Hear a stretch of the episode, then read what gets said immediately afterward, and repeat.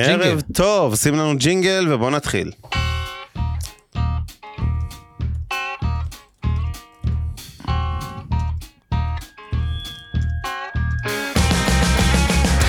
המשקיענים. אבנר סטפאק ועומר רבינוביץ' בשיחה חופשית על התחומים החמים ביותר בעולם ההשקעות. ערב טוב, אבנר, רוצה להתחיל מסיפור קצר. אה, השבוע יצא לדבר עם... ש- זה, זה היה ממש קצוות. עובד בחברה, שהסכום של אה, 50 אלף שקל או 100 אלף שקל, שהוא שאל שאלה ממש אה, חמודה.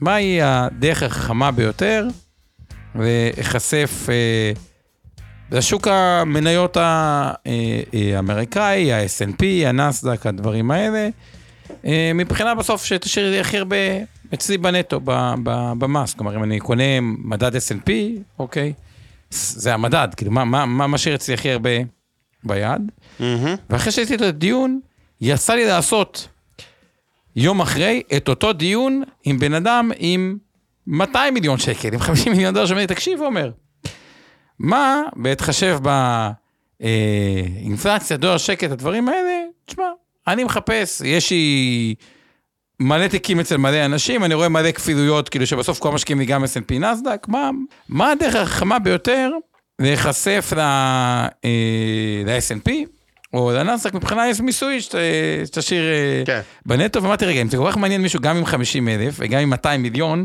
וכנראה שרוב המאזינים שלנו הם בתוך הטווח הזה, שבין אוקיי? 50 ל-200 מיליון. שבין 50 כן. ל-200 50,000, כן. אה, מיליון, אז כנראה שזה רלוונטי להרבה אנשים, ואגב, זו שאלה ממש ממש חכמה. ובשביל לענות עליה, צריך לענות על כמה שאלות בסיסיות. להבין את הנושא של רווח נומינלי מול רווח ריאלי, כלומר, ולתת איזושהי הערכה לגבי האינפלציה, שתכף אני אגיד לכם את ההערכה לפחות אה, אה, שלי, גם אבנר ייתן לכם את שלו, נסכים ממש נסכים, לא נסכים ממש לא נסכים. והדבר השני, זה הערכה לגבי מה יהיה עם הדולר שקל בטווחי זמן שונים. מכיוון שאני יוצא מתוך ההנחה שהשקעה במניות היא לאורך זמן, מהמם. יותר מעניין המגמה, אה, לאו דווקא בשבוע הקרוב, אבל יותר טווח ארוך. עכשיו, למה אני אומר את מה שאני אומר? כלומר, למה אומרים לי וישאלו אותי שאלה בצדק? אומר, מה בדיוק הקשר בין האינפלציה למדד ה-S&P, ומה בדיוק הקשר בין הדולר שקל לבין מדד ה-S&P? אז אני אסביר רק למה זה חשוב. כי כשאתם משקיעים, ויבואו כל מיני משקיעים ויגידו, תשמע, אני מחפש את החשיפה הכי זולה ל-S&P. אז הם יבואו ויגידו, תשמע, יש ניירות כמו ה-VOO, שזה ה-S&P של אה, חברת ונגארד, אה, שלוקח לדעתי איזה 0.04, או הספאי המפורסם, או ה-SPX, לא משנה, אחד מתעודות הסל האמריקאים של החברות הגדולות, אמריקאיות. אמריקאיות שגובות דמי ניהול נמוכים, בוא נגיד מתחת ל-0.1, ואני בעצם חשוף בצורה כביכול הזולה אה, כן. אה, ביותר. אבל צריך לזכור משהו, המיסוי שם זה 25% על הדולר. למה אני אומר את זה? כי בוא נניח שבמהלך העשור הקרוב, ה-S&P יעשה 100% על הכסף, נשמע סביר לפי התשואות ההיסטוריות, אפילו טיפה מתחת לממוצע ההיסטורית, אה, עשה בין 8-10% בשנה ובריבית דריבית, אבל בוא נניח 100%. אז אני אשלם בעצם 25% על הרווח הדולרי, כלומר מתוך ה... נגיד שמתי 100 אלף שקל שהפך להיות 200 אלף שקל, או במקרה אחר 200 מיליון שהפך להיות 400, לא משנה, או כל אחד והסקופ שלו אה, באמצע, 100 שהפך להיות 200, אני מוצא על זה 25 אחוז, אני מוצא 25, כלומר יישאר עם 175 ביד. המקרה השני, אוקיי, זה שהשקעתי ב-S&P דרך קופת גמל להשקעה, או דרך קרן השתלמות מעבר לתקרה, ודיברנו על זה לא מעט, שמי שיש עוסק פטור, עוסק מורשה יכול מעבר לתקרה, או דרך תעודת סל אה, אה, חכמה, נקרא לזה, התעודות הסל הישראליות, שבכל אחד מהמכשירים הבאים, או לפעמים גם פוליסת חיסכון, או תיקון 190, לא משנה, בכל אחד מהמוצרים הישראלים שעליו משלמים מס של 25% על הרווח הריאלי, בוא נראה גם מה קרה אחרי עשור. ובוא נניח, אבנר, זרוק, מה הנחת האינפלציה הממוצעת שלך לעשור הקרוב? סתם, 2%. 2%. 2% בריבית דריבית זה קצת יותר מ-20%, אבל בואו נפשט את זה, בואו נניח 25% בעשור נשמע סביר. נגיד, כן. יפה, אז בואו נניח 25% בעשור, אז קודם כל כבר על 25% מהכסף, מהרווח, אתם לא משלמים מס. כלומר, אם המאה הפך ל-200, אז המס של ה-25 יהיה רק על 75 מהמם. אה, שקלים. ואז יש את השאלה, איפה הדולר שקל יעמדו? אז בואו נניח שהדולר שקל לא ישתנה כלום במהלך העשור הקרוב, יישאר על 2.43, כמו 3.43, בדקתי את הערנות שלכם, כמו שזה עכשיו. אז אם זה נשאר ב-3.43, למעשה המס שלי יהיה 17.5 אחוז ולא 25 אחוז. למה? אני אשלם 25 אחוז, אבל רק על 75 אחוז מהסכום. כלומר, על 75, ואם תעשו 25 כפול 75 אה, שקלים רווח, אנחנו נקבל 17 וחצי, ו-17 וחצי שקלים על המאה, זה 17 וחצי אחוז, וזה לא מעט כסף. אותו 7 וחצי אחוז חיסכון, אם השקעתי 100 אלף, זה 7,500 שקל. 7,500 שקל יכול לקנות חופשה, מהמם. כמה מסעדות טובות, כל אחד יבחר אה, מה לעשות, וכמובן שכל הסכומים גדלים וזה כבר לא 100 אלף שקל, אלא סכומים יותר מהותיים, אז הפער הזה יותר מהותי. חיסרון אחד, זה לא עולה את ה-0.0, יש את העלות של המוצר ניהול, אבל לתפיסתי זה שווה את זה, כי- בסך הכל יוצא בנטו אה, יותר, ואני מזכיר, יתרון נוסף, אם אתם החלטתם במהלך הדרך לעבור מאותו מדד למשהו אחר, לפיקדון, למקם, לכל דבר, אה, מסלול, מסלול כללי, כל השינויים מסלולים זה לא אירוע מס, בעוד מכרתם את אותו SPY, SPX, VO, כל אחד מהתעודות האחרות, זה כן אירוע מס, כלומר יש פה יתרון אה, מובנה.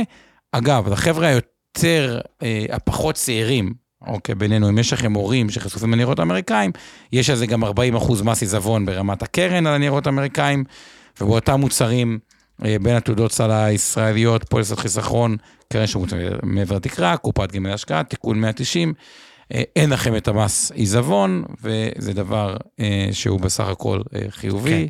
וחסך, אז זה מבחינה הזאת. למה, אוקיי, אז זה מבחינת האינפלציה. בואו נדבר על השקל דולר. אם השקל בעוד עשור יש שלושה שקלים, אוקיי? כלומר, למי שמאמין שהשקל יתחזק, מה בעצם קרה? המס שלכם הוא אפילו יותר גבוה מ-25% בדולרי. למה? תחשבו, ה-100 דולר הפך ל-200 דולר, אז אתם תשלמו 25 אה, אחוז מזה, תשלמו אה, את אותו מס, אבל שקלית הרווחתם פחות, כי אם הדולר נחלש מול השקל בעשרה אחוזים, אז ה-200 דולר לא שווים 200 דולר, או 200 אלף דולר, לא משנה, 200, ה-100 דולר לא שווים, אה, הם שווים 200 דולר, אבל בשקלים הרווחתם רק 80 אחוז. למה? כי הקרן המקורית שלכם ירדה ב-10 אחוז, כלומר, ה-100 דולר במונחי שקל שווים 90 דולר, והרווח שלכם ירד ב-10 אחוז. ואז, למרות שה-100 דולר שווים 200 דולר, אוקיי? ושילמתם 25 אחוז דולרית, מהמם. אבל הרווחתם רק במונחי שקל, כלומר שקלית הרווחתם רק 80 דולר. כי עוד פעם, גם הקרן ירדה ב-10% וגם הרווח ירד ב-10%. למעשה לא שילמתם 25% מס שקלית, שילמתם 25% מס דולרית, ושקלית שילמתם 25 לחלק ל-80, שעוד רגע נגיד לכם בדיוק כמה זה. כלומר, במונחי שקל שילמתם 25 לחלק 80, 31 אחוז, שזה הרבה לשלם על הרווחים, אם השקל יתחזק, לדוגמה, באחוז לשנה או בעשור. אם השקעתם דרך אחד מהתעודות סל קופת גמל, קרן שירות מעבר תקרה תיקון 190 אה, וכו' באותו מדד, אתם לא משלמים 17 וחצי, תשלמו אפילו פחות. למה? בואו נניח, השקעתם 100 דולר, והיום הוא הפך ל-200 דולר. אבל מה לעשות, הדולר כבר לא שווה 3.43, כמו שאנחנו אה, עכשיו בשידור, אז נראה את זה במספרים. אז שקלית, היה לכם אותם 100 דולר שווים אה, 343 דולר נכון להיום, ואז זה הכפיל את עצמו. כלומר, ה-100 דולר נהפכו להיות 200 דולר, אבל שקלית לא הרווחנו את זה, בהנחה שוב שהדולר מגיע לשלוש, אוקיי? אז שקלית יש לנו רק 600 שקלים. למה? כי 200 דולר כפול 3 זה 600 שקלים פחות. ואז הרווח שלנו, אוקיי? בגלל שהשקענו בהתחלה 100 דולר, הרווח שלנו במונחי שקל הוא הרבה פחות, כי מחסירים בעצם את כל הירידה בדולר. ואז אנחנו נשלם על 25 אחוז, אוקיי? בניכוי אינפלציה, כלומר, עכשיו יש לנו רק 180 במונחי שקל, כלומר, איך אני... לא פישטתי את זה אולי מספיק, נעשה את זה כדבר דולרית לשקלית, אבל תחשבו על זה שאם נכס עלה ב-100%, אני אקצין את זה רגע, כדי שהפואנטה תהיה מאוד ברורה. בוא נגיד הדולר ירד ב-50% והמדד עשה 100%. שקלית, לא הרווחנו כלום. אז המס שלנו יהיה 0.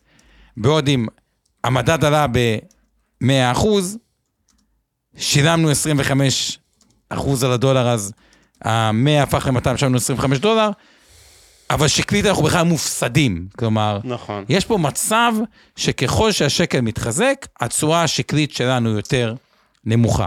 ואז זה לא רק בניכוי אינפלציה, זה בניכוי אינפלציה ובניכוי ההתחזקות של השקל, והמס יורד מהר מאוד ל-15 אחוז, 13 אחוז וכו' וכו' וכו'. אולי אבנר אתה רוצה להגיד עוד מילה, ואז ניתן את התחזית, זה מעביר אותנו תחזית על אנחנו הדולר. צריכים קודם כל, יש לנו כרגיל פינת המכפילים, ואז נעבור נכון. למנה העיקרית של הדולר שלשמה התכנסנו היום. רק נגיד תודה רבה לכל מי שאיתנו, גם לכם כמובן הצופים והמאזינים הקבועים שלנו. מעריכים את זה שאתם מתמידים, המספרים יפים סך הכל, אחוזי האזנה, אף פעם לא דיברנו על זה, אבל יש לנו באמת אה, קהל אה, קבוע ונאמן, שזה כיף, כי זה הדלק שלנו לעשות את זה, אתם מבינים את זה שאנחנו לא באמת אה, מתפרנסים מהאירוע הזה. ואנחנו נגיד תודה כמובן, אה, יש לנו כאן את איתן שעושה לנו את התרגום לשפת הסימנים, לחרשים ולקויי אה, שמיעה, כל מי שצריך. raise your hand, איתן אה, גרבר אה, מתרגם אה, בשפת סימנים. אה, שיר פלדמן ורבית ירמוך עושות את ה... מיכל ירמוך, סליחה, עושות את ה... את התמלול אה, בלייב של כל מה שאנחנו אומרים, אתם יכולים לראות את הכתוביות ב-closed captions, יש את הצוות שלך, אמיר ארביב, אור חלמיש ואורן ברסקי, יש לנו את אור טולדנו שיושב כאן איתנו ועושה את הפודקאסט, את אור אריאל, אלופה אופטימית, משקיעים בדרך להצלחה כלכלית, ומקווה שלא פספסתם, בוודאי פספסתי, עוז גצליק הגדול שמנהל את השידור הזה. אז אני... אה, שנייה, אז אולי רגע, sorry, מה זה מצטער, אני רק רוצה שזה במספרים, זה יהיה כן. הכי פשוט בעולם, כי סידרתי זה עכשיו וזה יושב לי טוב בראש. דבר. אוקיי. השקענו 100 דולר, כן, אוקיי, שנהפכו ל-200 דולר, נשלם 25% דולרי, אם קיימנו את אחד הדירות האמריקאית. השקענו 100 דולר במה? במה? במכשיר, אחד ממכשירי דרכות מס, קרן נאמנות, אה, קופת גמל, קרן שירות מעבר לתקרה, תכל'ס השקענו 343 שקלים נכון להיום. נכון. נניח הדולר יהיה בשלוש, נניח הדולר יהיה בשלוש. אם הדולר מתחזק, כאילו זה יותר, אם השקל מתחזק. זה אומר שעכשיו יש לנו, אחרי שה-S&P עלה פי שתיים, זה אומר שיש לנו 600 שקלים. זה אומר ששקלית הרווחנו רק 75 אחוז. כלומר, לא הרווחנו את אותו 100 אחוז, כן. הרווחנו רק 75 אחוז. נניח האינפלציה, אמרנו, במהלך העשור תהיה 25 אחוז במהלך 10 שנים. זה אומר שהרווחנו רק שקלית, ריאלית, הרווחנו רק 50 אחוז. זה אומר שבמקום לשלם מס 25 אחוז דולרי, אוקיי? שבמקרה הזה, הזה זה היה יוצא הרבה יותר מ-25 אחוז שקלית, אנחנו נשלם מס רק של 12 וחצי אה, אחוז דה פקטו. למה? מה... 100 דולר, מה-343 שהפך ל-600, אנחנו הרווחנו 75 אחוז שקלית, אנחנו מפחיתים אינפלציה, זאת אומרת שהרווחנו 50 אחוז שקלית, אה, נומינלית, זאת אומרת שיצא לנו מס משוקלל של 12.5 אחוז במקום 25 אחוז דולרי, שזה דרמטי, מקווה שזה עשה סדר, חזרה אליך. כן, אוקיי, אז אה, קודם כל עדי כוח פה מעלה ועוד מצטט אה, מ- מהאתר שלי, והוא צודק, היא, אתה צודק, אני מניח, לא יודע, סתם הימור. אה, אה, רשום במפורש שיש קיזוז מס על הפסדי שער אה, חליפין. נכון. אוקיי? איך? מה זה קיזוז? קיזוז מס על הפסדי שער. זה נכון. אני, אני, אז אנחנו נפתור את הבעיה הזו, כי זה, אני, אה, אם אתה יכול איכשהו לראות בלייב, אז אני אשלח לך את הלינק שהוא מפנה. יש לי הרגשה שעם כל הצבא של אה, אה, אנשי רגולציה וזה שעברו על אה, טקסטים שאנחנו מעלים באתר, הם, זה לא טעות, אבל בסדר, נפתור את אוקיי, הבעיה. אוקיי. בוא נראה. אה, תודה על התשומת לב, עדי, אנחנו נפתור לך את הבעיה. עכשיו, לא לך, זה בעיה כללית, זה לא אישית. פיני אומר אין מס על רווח מהפרש שער, אבל אין קיזוז. טוב, אה, אני מתנצל, אני פחות אה, חי מס ברמה כזאת. לא, אז אני זה מאוד להטעות. שנייה, אין פה, זה פסיקות בית משפט עליון והכול. דולרית, בגלל זה זה חשוב מה אתם חושבים עם הכיוון, ואז נדבר על זה. הרווחתי דולרית, אז אני ימוסה 25 אחוז. כמו שהיית מרוויח בצמוד למדד, היית משלם על המס על הרווח 25 הריאלי. אחוז דולרי. נכון. אין לי קיזוז ואין לי תוספת בגין. נגיד הדולר התחזק פי 20 כן, משאר ישראל, ועכשיו כל שקל, צריך לקנות 100 שקל לדולר, זה לא משנה, אני עדיין אשלם 25 אחוז דולרי, ואם הדולר נופל לשתי שקל, אוקיי, והפסדתי טונות של כסף, אני לא יכול להתקזז על זה. כלומר, מטח. מטח לא זה, זה כל הפסיקות שהיו בבית משפט עליון, טוב, זה נקבע. אה, נפתור את הבעיה הזאת, תרשום לנו את זה בקבוצה שאנחנו נחזור עם ההסבר, פשוט אה, יכול להיות שגם יש איזו אי הבנה לשאלה עצמה, אבל אנחנו נפתור את הכל שבוע הבא. אה, אז לי תתאפקי, תתאזרי בסבלנות. בואו נעבור למנה העיקרית, רק נתחיל כרגיל מפינת המכפילים.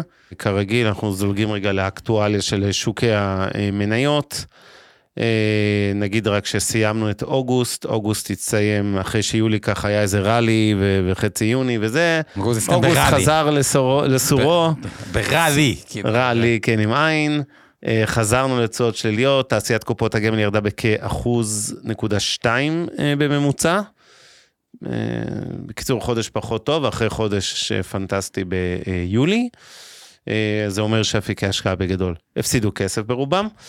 אם נסתכל רגע על תמונת מצב עדכנית, אז בארצות הברית אנחנו רואים שהמכפיל של S&P אה, 500, ובכלל רוצה לדבר על מכפיל העתידי, הוא 16 וחצי, נסדק 22, כנ"ל הראסל אה, 2000, שזה מניות יותר קטנות בשוק האמריקאי. לגבי התשואות של אגרות החוב, שככה זזו לא מעט בחודשיים האחרונים, כרגע הם בשלושה אחוזים ורבע, כבר לא מאוד רחוקים מהשיא העליון שלהם. נכון, אה, ובישראל גם בשלוש, גם... כן, וגם בישראל, שלושה אחוז באגרות חוב ממשלתיות, אנחנו מדברים על אה, טווחים של עשר שנים. מבחינת, ה, אה, אם נסתכל על התשואות של שוק, שוקי המניות מתחילת השנה הזו, מתחילת 22, אז כמובן, בכל העולם, למעט מדד אחד, נחשו איפה? בדד נלך. לא בדד, אנחנו יחד עם הודו. כן. התל אביב 35 שלנו עלה ב-2%, כך גם הבורסה בהודו. אינדונזיה, אגב, הייתם כן, עושים זה- 10%, רק ספק אם מישהו פה השקיע אי פעם באינדונזיה, אבל נניח בשביל הדוגמה, בשביל הפיקנטריה. אבל אה, כל השווקים עדיין בצולות של, שליליות, רובם בדו-ספרתי שלילי, ארה"ב, אה, S&P מינוס 18 אחוזים, נסדק מינוס 26 אחוזים, למעשה זה המדד הכי גרוע כמעט בעולם בשנת 22. אבל הכי טוב. בחמש שנים מהמדדים הרציניים. ועדיין, בדיוק. מאה- מאה למרות שהוא אחוז, כן. במינוס 26 אחוז השנה, הוא עדיין בפלוס של מעל 100 אחוז, 102 אחוזים. בחמש שנים. בחמש אה, שנים, בדיוק. אה, עוד ככה מדדים נבחרים. אה, שלנו כאמור, התל אביב 90 מינוס 3 אחוזים וחצי ותל אביב אה, 35 כמעט אה, פלוס 2 אחוזים, כלומר ממוצע סביב האפס, שזה טוב בשנה כזאת. אירופה פער גדול בין אנגליה לגרמניה, אנגליה מוטת הסחורות יורדת רק באחוז, תשואה בסך הכל טובה מאוד לשנה גרועה כל כך.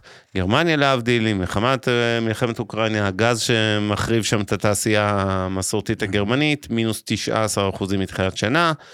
זה גם התשואה שעשה מדד הראסל 2000 בארצות הברית, סין מינוס 18 אחוזים, דרום קוריאה מינוס 19 אחוזים, וייטנאם שהייתה כוכבת בשנה שעברה מינוס 15 אחוזים וכולי, יפן יחסית סולידי מינוס 4 אחוזים, ועדיין מי שהשקיע בחמש שנים האחרונות, למעט באירופה, ששם התשואות היו אפסיות במצטבר בחמש וגם שנים. סין.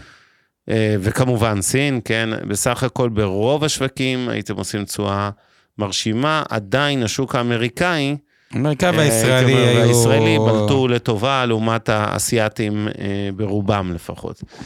אה, אז עד כאן פינת המכפילים, בואו נוריד את זה, ועכשיו בואו נעבור למנה העיקרית. לאן הולך הדולר?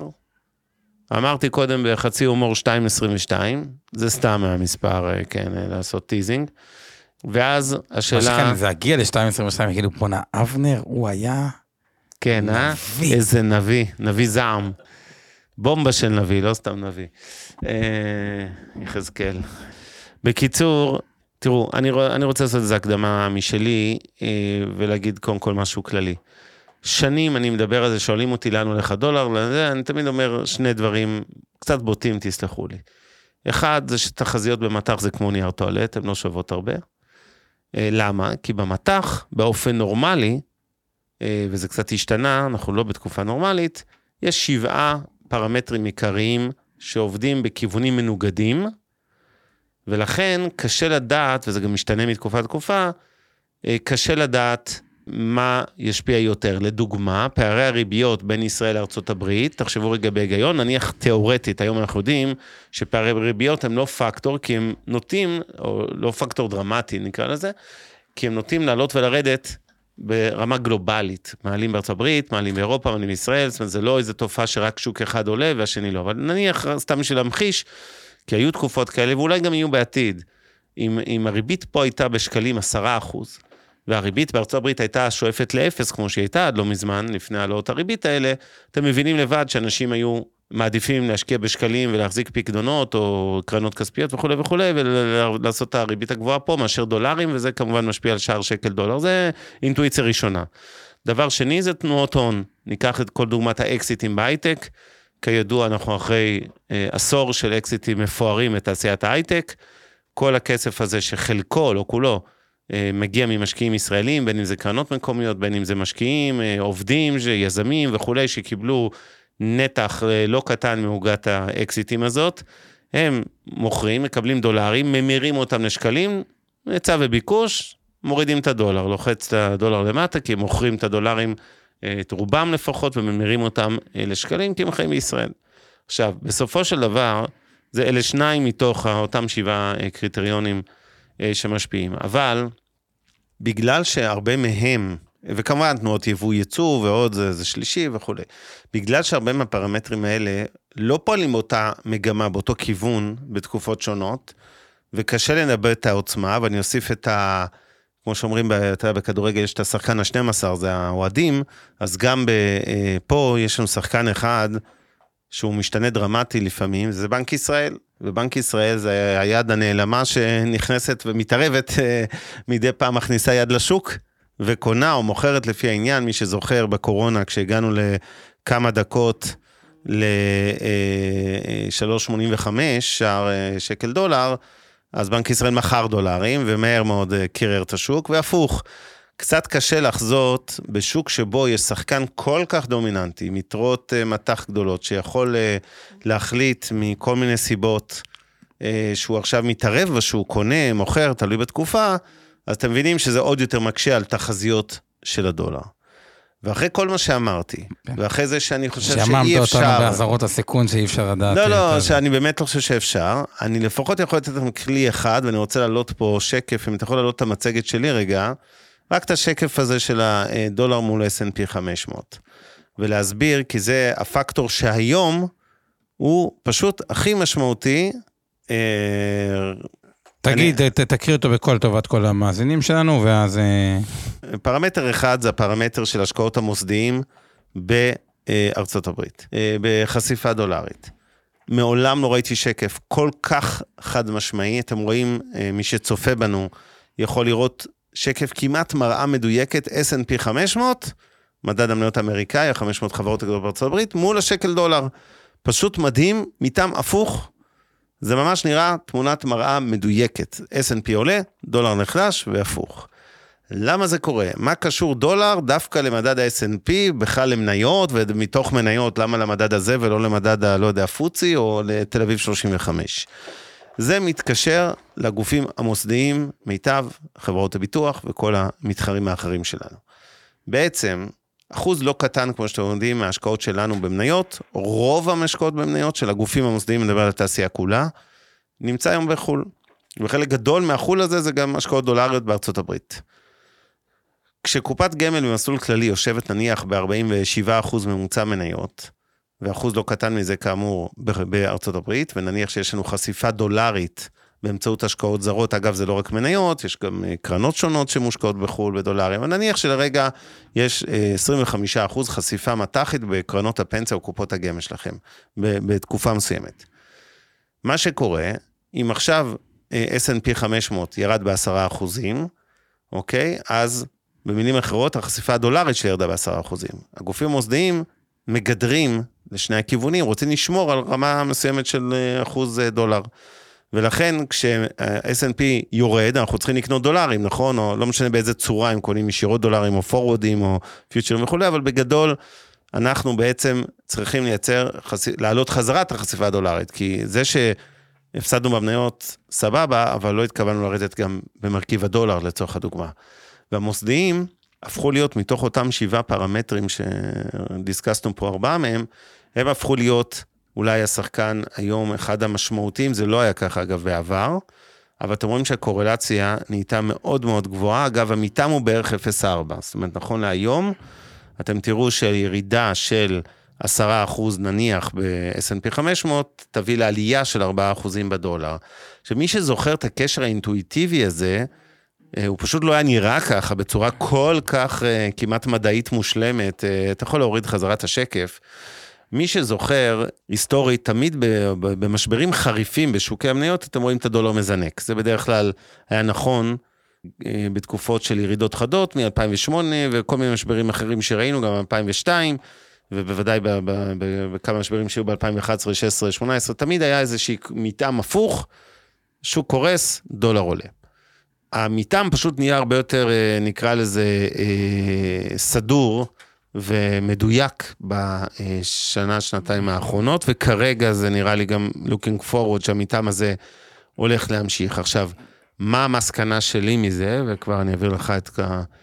אה, להמשיך, זה, זה לאו דווקא שאני יודע להגיד, אוקיי, הדולר הולך לרדת מתחת לשלושה שקלים, כמו שאני יודע להגיד לכם שבהסתברות גבוהה, הדולר ימשיך להיות בקורלציה הפוכה לשוק המניות, ולכן אני עובר מתחזית על הדולר לתחזית על שוק המניות. ואם אני, יש לי סיבה כלשהי להניח ששוק המניות צפוי לרדת משמעותית, אז אני כנראה רוצה ברמה כזו או אחרת להחזיק חשיפה דולרית, כי זה ייתן לי גידור חלקי, במקרה הזה היום בערך 40 אחוז, זה המתאם כאמור, אה, להפסדים שלי בשוק המניות.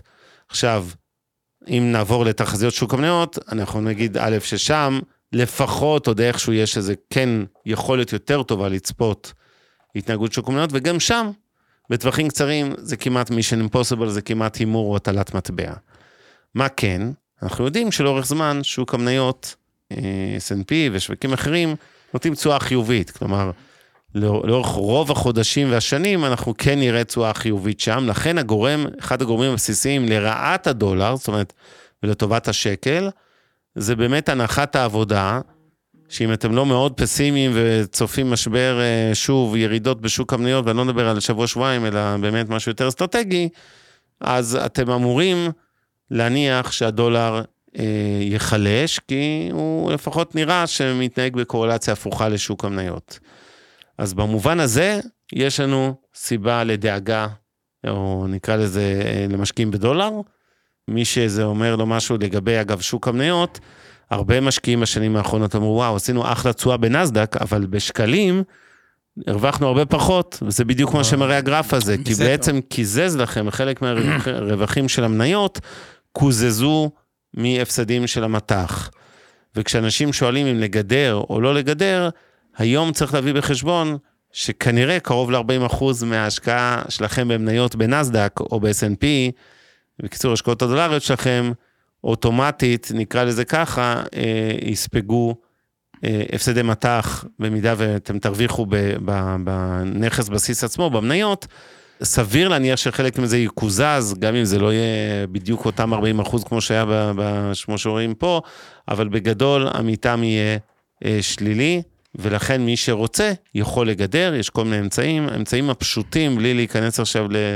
המלצות פרסומות וייעוצים, כי אנחנו לא עושים את זה, אבל יש קרנות, אה, מי שמשקיע בקרנות נאמנות, נניח שרוצה להיחשף לשווקים בארצות הברית, יש קרנות להרבה מאוד גופים, זה לא ספציפית רק לנו, שהן מנוטרלות מטבע, תעודות צה"ל אגב, קרנות אה, מחכות כלומר וכולי, אה, או לא מחכות, תלוי כל אחד איך שהוא רוצה להשקיע, אקטיבי או פסיבי, אבל בסופו של דבר יש קרנות שעושים עבורכם את הגידור הזה בתוך הקרן, ובעצם מנטרלות את, את המטבע, ואז אתם מקבלים באמת בשקלים את התשואה של חו"ל שעשה אותו מדד שהשקעתם בו.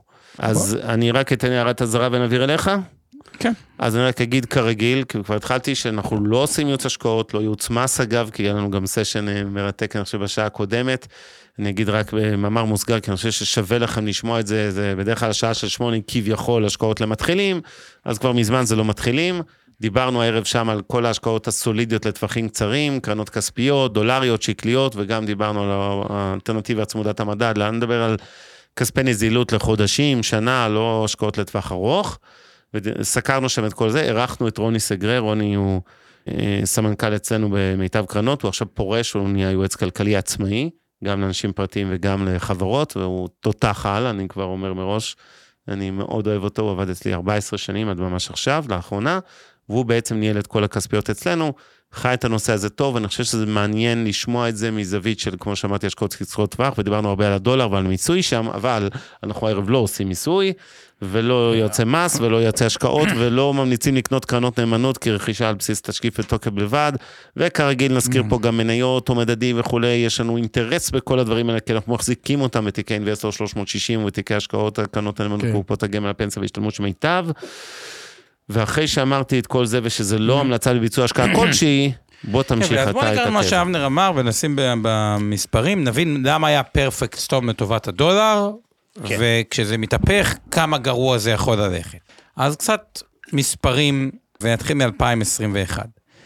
2021, אה, אינפלציה נמוכה, בטח יחסית למה שיש אה, היום, ובנק ישראל בעצם רוצה שקל אה, אה, לעזור אחרי הקורונה, לעזור לכלכלה הישראלית, והוא אומר, אני אקנה הרבה מאוד דולרים.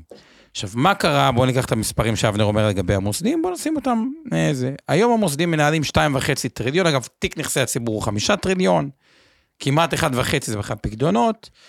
בואו, אצל המוסדים מנהלים כ-2.5 טריליון שקל. מתוך חמישה טריליון של הציבור. בגס, גס, גס, 500 מיליון מתוכם, נקרא לזה כספי אה, מטח, בוא נעשה את זה אחרת. מתוך הכספים האלה, מתוך ה-2.5 טריליון, בוא נניח 40 אחוז מניות, אולי קצת יותר, אבל בוא נניח רגע 40 אחוז מניות. זה אומר שיש טריליון שקל מנוהל במניות. מתוך הטריליון שקל מחולק בערך 65 אחוז בחו"ל, כלומר 650 מיליארד שקל יותר נכון דולר, ו-650 מיליארד שקל במונחי דולר מנוהלים בחו"ל, ו-350 מיליארד שקל של המוסדים מנוהלים במניות בארץ. עכשיו, מה המצב שבו המוסדיים אמורים לקנות הכי הרבה דולרים? בואו נבין מתי הרגע שבו המוסדיים קונים מקסימום דולרים.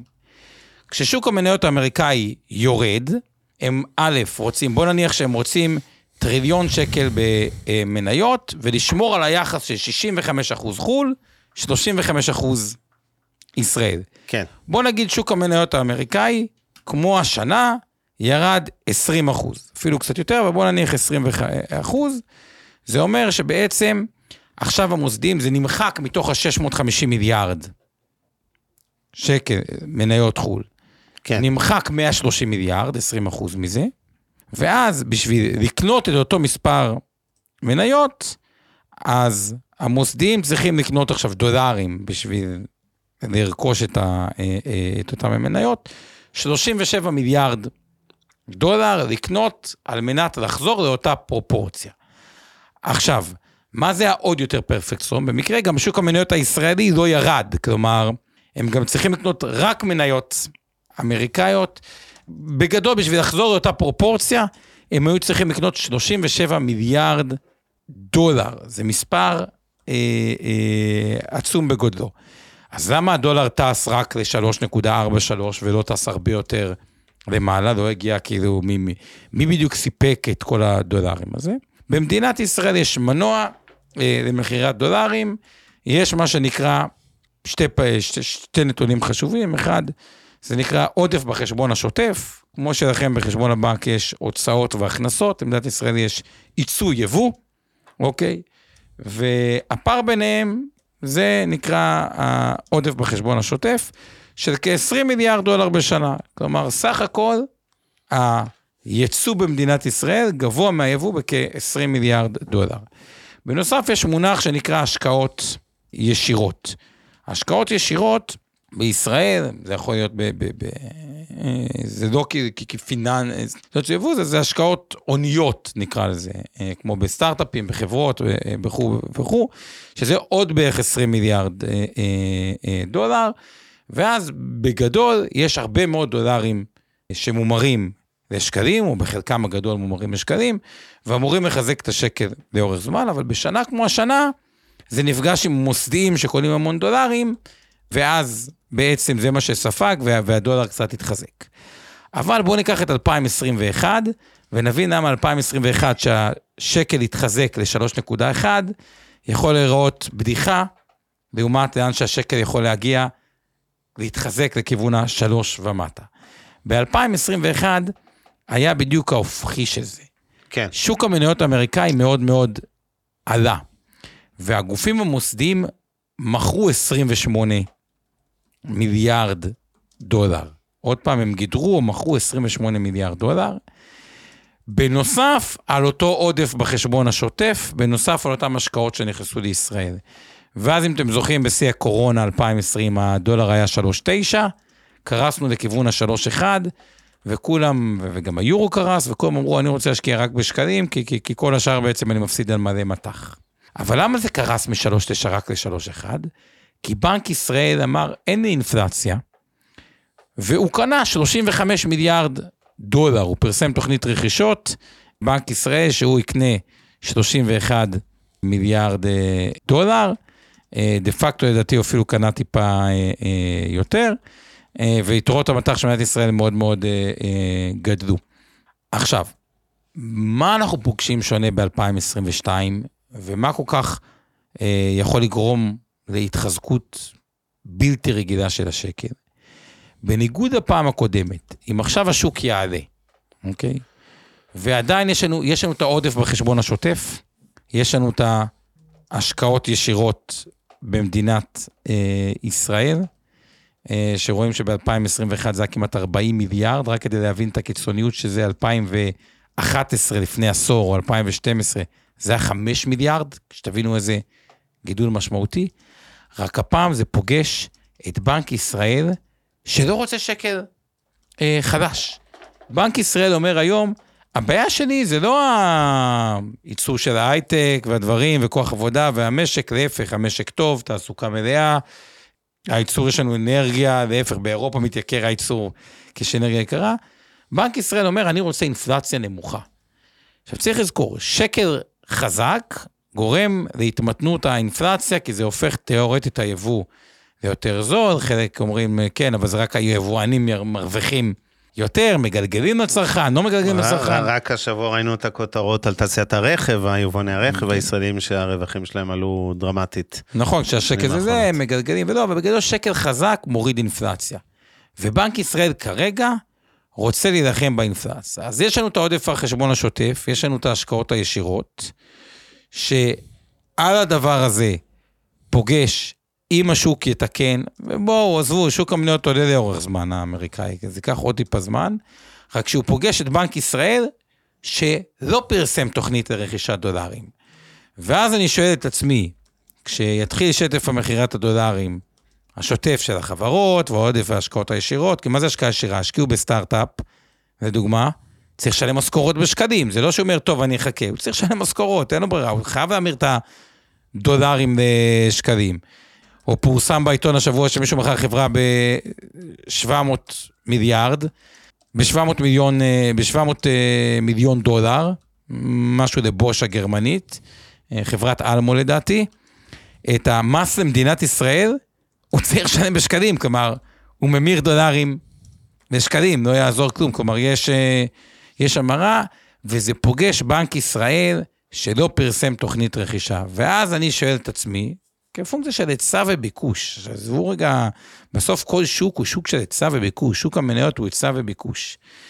מי אמור לקנות את כל ה... אה, אה, כאילו, מי אמור לאזן את זה? כלומר, כן. יש גורמים מטורפים שאמורים למכור דולרים, מאיפה מגיע האיזון? כאילו, מי, מי, מי אמור, אוקיי, כן. אני מבין צד ההיצע, מי הביקוש? כלומר, ואני לא כל כך רואה את הביקוש רואה את מגיע. הביקוש, כן. אז יכול להיות שהחשבון השוטף יהיה פחות טוב, יכול להיות שההשקעות הישירות. אגב, שתבינו עד כמה זה קיצוני, 2012 ישראל לא היה עודף בחשבון השוטף. עכשיו, מה שקרה במדינת ישראל, כל דבר רע שקרה בעולם, כאילו דירג עליה. כלומר, קורונה, יופי, צריך דיגיטציה, יותר השקעות בסטארט-אפים. אה, מלחמה באוקראינה, אוקיי, אין אשלג, יותר השקעות, כי"ל מקבלת הרבה יותר כסף מהאשלג, מחיר הגז באירופה עולה, או יש לנו עצמאות של גז, אולי בכלל נייצא. כאילו, כל דבר רע שאמור להשפיע, פחות אה, השפיע מבחינה כלכלית, בגלל זה המשק הזה חזק. ופשוט נשאלת השאלה, הולכים למכור מלא דולרים, מי הולך לקנות את זה? לא יודע, אבנר, תגיד לי אתה. אני לא בטוח שיש, ולכן אה, אני מסכים שבאופן יחסית יותר מובהק מרוב התקופות, שיש לנו כאמור הרבה מאוד פרמטרים שפועלים לפעמים בכיוונים מנוגדים, פה נראה שעכשיו יש יותר לחץ של היצעים בדולר מאשר של ביקושים. אה, שיכול להיות, שוב, כפונקציה של שוק ההון, אבל כן. כן, אז זה, זה, זה, זה, זה נראה לי בגדול, ה- הכיוון נראה אה, שלילי, אבל שוב, יש פה תלות לא קטנה בעיניי, ולא בעיניי, בעיני הגרף שהראיתי לכם קודם, אה, בשוק המניות, בפרט ב-S&P 500, שם הקורלציה הכי מובהקת.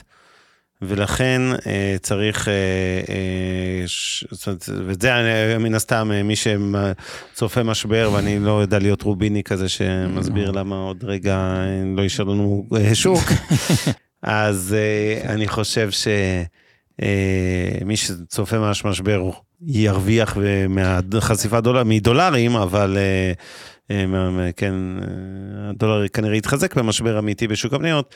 אבל זה לא מומלץ אה, לאנשים להיות פסימיים לאורך זמן, זה פשוט לא משתלם, כן? אגב, גם נפשית לא משתלם, אבל גם אה, פיננסית לא, כי שוק המניות לאורך זמן עולה. לא יורד.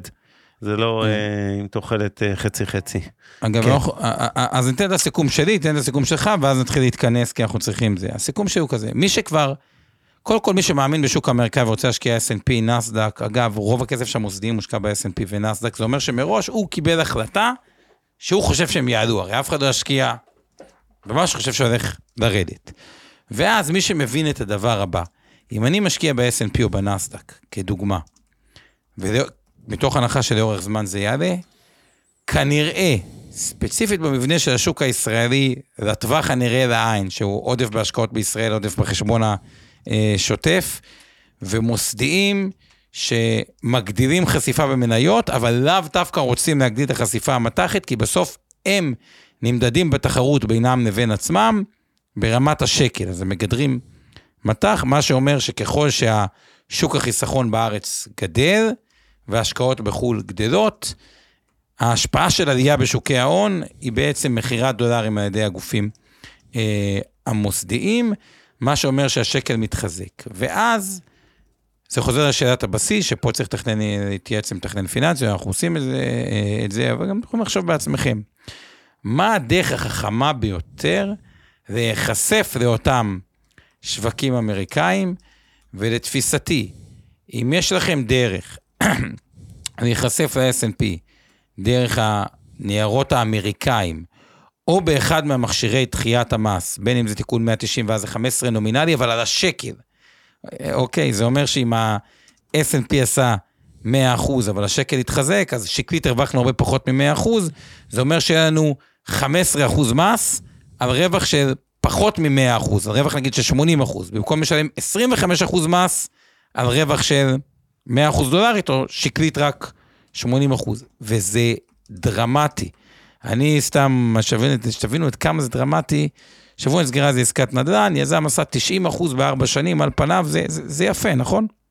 אוקיי, כן, אממה, מצוין. העסקה הייתה במטבע שירד, אוקיי, לא דולר דולר יורו. יורו, אוקיי. אוקיי. אפילו לא יורו, זה בבודפסט, אז זה, זה, זה אפילו לא יורו, זה צמוד לזה שירד עוד פורן, יותר כן. מול, ה, מול היורו. טוב שלא הלירה הטורקית, לא, כן. והתשואה הפורן תמיד היה צמוד ליורו, ואז זה, קיצור, לא משנה. שקלית, התשואה שלו, כדי להבין עד כמה זה דרמטי, שקלית ה-90 אחוז הוא רק 55 אחוז. אבל את המס הוא משלם לפי ה-90 אחוז. כלומר, בתכלס, המס יצא כמעט 50 אחוז, אוקיי? ואם כן, היה אפקטיבי. אפשרות לשלם ב- ב- במונחי שקל, במונחי המטבע. אם היה אפשר לשלם כמו בתיקון 190, 15% שקלי, אז כן.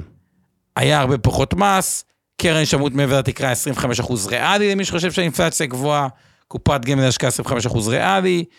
למיטב היכרותי, קרנות נאמנות, גם אם דולריות, למיטב היכרותי, אני אעשה דאבל צ'ק כזה, 25% ריאלי, אה, ומישהו יודע אחרת שיתקן פה, אבל אני אה, די משוכנע, ויוצא שגם מי שמאזין לפה, ואני חוזר לסיפור בהתחלה, עם 100 אלף שקל וגם עם 200 מיליון שקל, שבטוח יש לכם מלא חשיפה ל-S&P, נסדק ונגזרות של חו"ל, תקדישו מחשבה לנושא מה הראייה שלכם לגבי האינפלציה.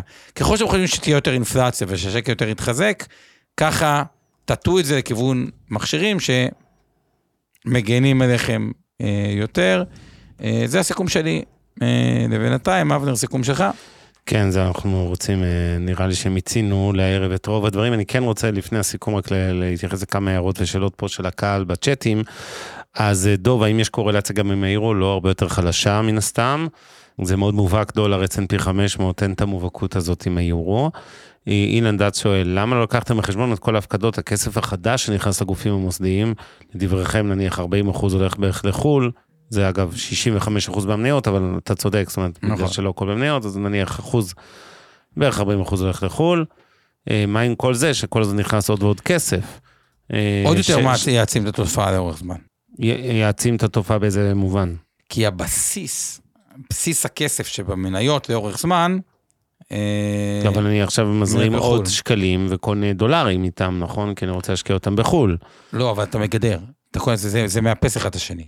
עד 80% מהפוזיציה, מהמם. בסוף יש 20% חשיפה למטח. זה אומר שאם קיבלת עוד שקלים, קנית מניות דולריות, קנית דולרים, גידרת, אז, אני רק אז אגיד זה לך... חשיפה, קנית דול- דולרים בצורה חלקית, אבל אני... מס- אה, אה, זה נכון, אבל עוד פעם, הגופים המוסדיים מודדים את עצמם מגודר, כלומר, הם... זה, זה, זה נכון, אני רק אגיד לך, אילן, שעם כל הכבוד לכסף שנכנס, זה אחוזים קטנים חד ספרתיים נמוכים לעומת המלאי הקיים של השקעות שלנו בחו"ל, אוקיי? זאת אומרת, בסופו של דבר התעשייה הזאת, אם ניקח אותה בכללותה, לא עד כדי כך הרבה מאוד כסף נכנס באחוזים. 30 מיליארד לדעתי בשנה. נגיד לתעשיית קופות הגמל. אני, אפילו אני לא, לא חושב, סליחה. עשיתי חישוב, שכר כן. ממוצע במשק זה 11,000. לא חשוב, זהו, זה, כן, זה, זה, כי יש זה יציאות, כניסות, לא חשוב, זה לא בהיקפים כן. כאלה דרמטיים, הכסף אה, שנכנס. עכשיו, חנוך כותב לנו, והוא צודק, שכל אחד צריך להחליט איזה חשבון מטח הוא רוצה להשאיר את השקלים, מטח אחר, ובכלל, זו התייחסות, אה, יש פה שאלה פילוסופית, כן? אה, יש אנשים, זאת אומרת, אנחנו לא מדברים פה, אני, אה, כמו שאתם יודעים, כבר שנים מטיף לזה, שבגדול אנשים לא צריכים להחזיק בכלל מטבעות זרים, אלא אם כן יש להם שימוש ספציפי לצבוע, שאתם יודעים שעוד איזה שנתיים מאיזושהי סיבה אתם צריכים דולרים, יורו או כל מטבע אחר, יש לכם מספיק חשיפה למטבעות האלה בעקיפין דרך תיק ההשקעות שלכם, מה- מהחשיפה למניות בחו"ל וכולי, ואתם מפוזרים מספיק מט"חית ואתם בסוף חיים בישראל ורוב הכסף שלכם אה, צריך להיות צמוד במישרין ובעקיפין לשקל, והוא אכן כך. ממילא, ולכן אני לא רואה איזה סיבה, אה, כן, להתעסק יותר מדי ברמת הדולר, אה, אירו וכולי במישרין. אבל אתם כן צריכים להיות ערים לעובדה שהקורלציה השלילית הזאת בין דולר ל-S&P 500 הולכת ונהיית מובהקת עם הזמן. סביר להניח, לפחות בטווחים הקצרים, שהיא גם תמשיך להתנהג ככה, קשה לנבא בשנתיים וחמש שנים קדימה, אבל אני חושב שבשנה, שנתיים הקרובות, בוא נגיד, הייתי עדיין מצפה שהגרף ימשיך להתנהג בצורה המדהימה הזאת. אין הרבה גרפים שהקורלציה כל כך ברורה אה, כמו שראינו הערב. ולכן, תזכרו שכשאתם משקיעים בנסדק וב-S&P וכולי, סיכוי סביר שחלק מהרווח שלכם, בהנחה שתרוויחו כמובן במניות, יקוזז, ומצד שני זה גם הגנה, כי כשאתם תפסידו במניות, אז כנראה שיהיה לכם קיזוז אה, חלקי על הדרך אה, התחזקות הדולר, אה, והקורלציה היא כאמור בערך 40 אחוז ביניהם. למרות ששוב, אם אתה מאמין שתהיה אינפלציה, אז תקנה את זה במכשיר שנותן לך את הניקוי אינפלציה. כן. שקלי, או, זה אותו דיון עוד פעם. כן, ועדי סוגר לנו איזה פינה, מ- מ- באמצע הרעיון דיברנו, היה איזה אי הבנה, לכאורה סתירה בין אתר מיטב ו- ומה שכתוב שם מיסוי אה, אה, של ההפסד, אין קיזוז מס, כן, על כל נושא הפסדים משאר חלפים. בקיצור, פתרנו את הפינה הזאת, אתה צדקת במה שאמרת, ולא הייתה סתירה באמת, לא חשוב, סתם איזה אי הבנונת, אז אה, לא צריך לחזור לנושא הזה בשבוע הבא. מה עוד יש לנו לספר? נראה לי שמיצינו, אז אנחנו רוצים להודות ל- לכל מי שהיה איתנו הערב. להזכיר לכם שתמיד תעשו טוב, זה חוזר עם ריבית ואפילו עם הצמדה, וכמו שאתם יודעים, הצמדה עכשיו זה עסק אה, יקר, אז זה משתלם עוד יותר לעשות טוב. אה, ואנחנו ניפגש פה בשבוע הבא. תודה שהייתם הוא- איתנו. כן, כן, מילה אחרונה רק. יאללה. שוב, קשה לדעת מה ש... ככל שעובר. הזמן, אני אומר כזה דבר. קשה לדעת מה השווקים יעשו. כן אפשר להתעסק באופטימיזציית מס. מה הכוונה? גם באופטימיות, לא רק כן, באופטימיזציה. אופטימיזציה, מה הכוונה? כבר, כאילו, בכל מקרה, כבר, עשי- לא משנה במה השקעתם, אתם לא יודעים מראש איפה ה-S&P יהיה בעוד עשור, אתם כן יכולים לשלוט בזה שהמישור שלכם יהיה אה, מופחת, אז שווה, אנשים מתעסקים המון במה עשו השווקים, אבל שווה גם להתעסק ב... כבר לקחנו את הסיכון, איך שאני עליו הכי פחות אה, מס, חזרה אליך. כן, אז לפני שאגיד תודות, רק אה, שתי הערות אחרונות. דוב, תודה על הפרגון. אה, אה, או שרי, לא, לא התכוונו להמליץ על השקעה דווקא בדולר לטווח קצר בינוני, אלא פשוט להסביר שיש קורלציה הפוכה. אם, אם את צופה ירידה בשוק המניות בטווח המיידי, אז א', הדולר יעלה, ואם את מניחה הפוך, אז הדולר ירד. אבל רוב, זה נכון שרוב הגורמים, בהנחה שאין איזה דרמה למעלה למטה בשוק המניות, רוב הגורמים תומכים כרגע בהמשך התחזקות השקל וחלשות הדולר, זה כן. אז אה, זהו. בקיצור, אה, שיהיה לכולכם ערב טוב. תודה לעוז גצליק שמנהל לנו את השידור כמדי יום שלישי, ממיטב, או ליתר דיוק מהבית, אבל הוא ממיטב.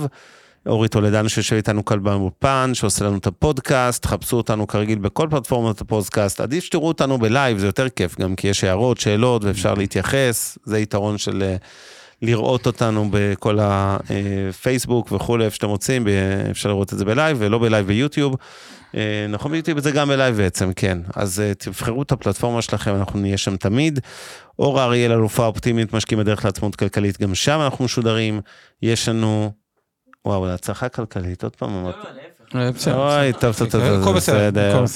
אנחנו מודים לעמי ארביב אור חלמיש ואורן ברסקי מהצוות שלך, לאיתן גרבר שעושה לנו תרגום לשפת סימנים לחרשים, לשיר פלדמן אה, ומיכל ירמוך שעשו לנו הערב את התמלולים, ונראה לי שאמרתי תודה לכולם, שיהיה לכם לילה טוב ושבוע פצצה, וניפגש פה כרגיל בשלישי הבא. לילה טוב, תודה לכולם, לילה טוב אבנר. לילה טוב. הפרק בחסות רשת אינבסטור 360. הופק ונערך על ידי שמע, פודקאסטים ויצירות סאונד.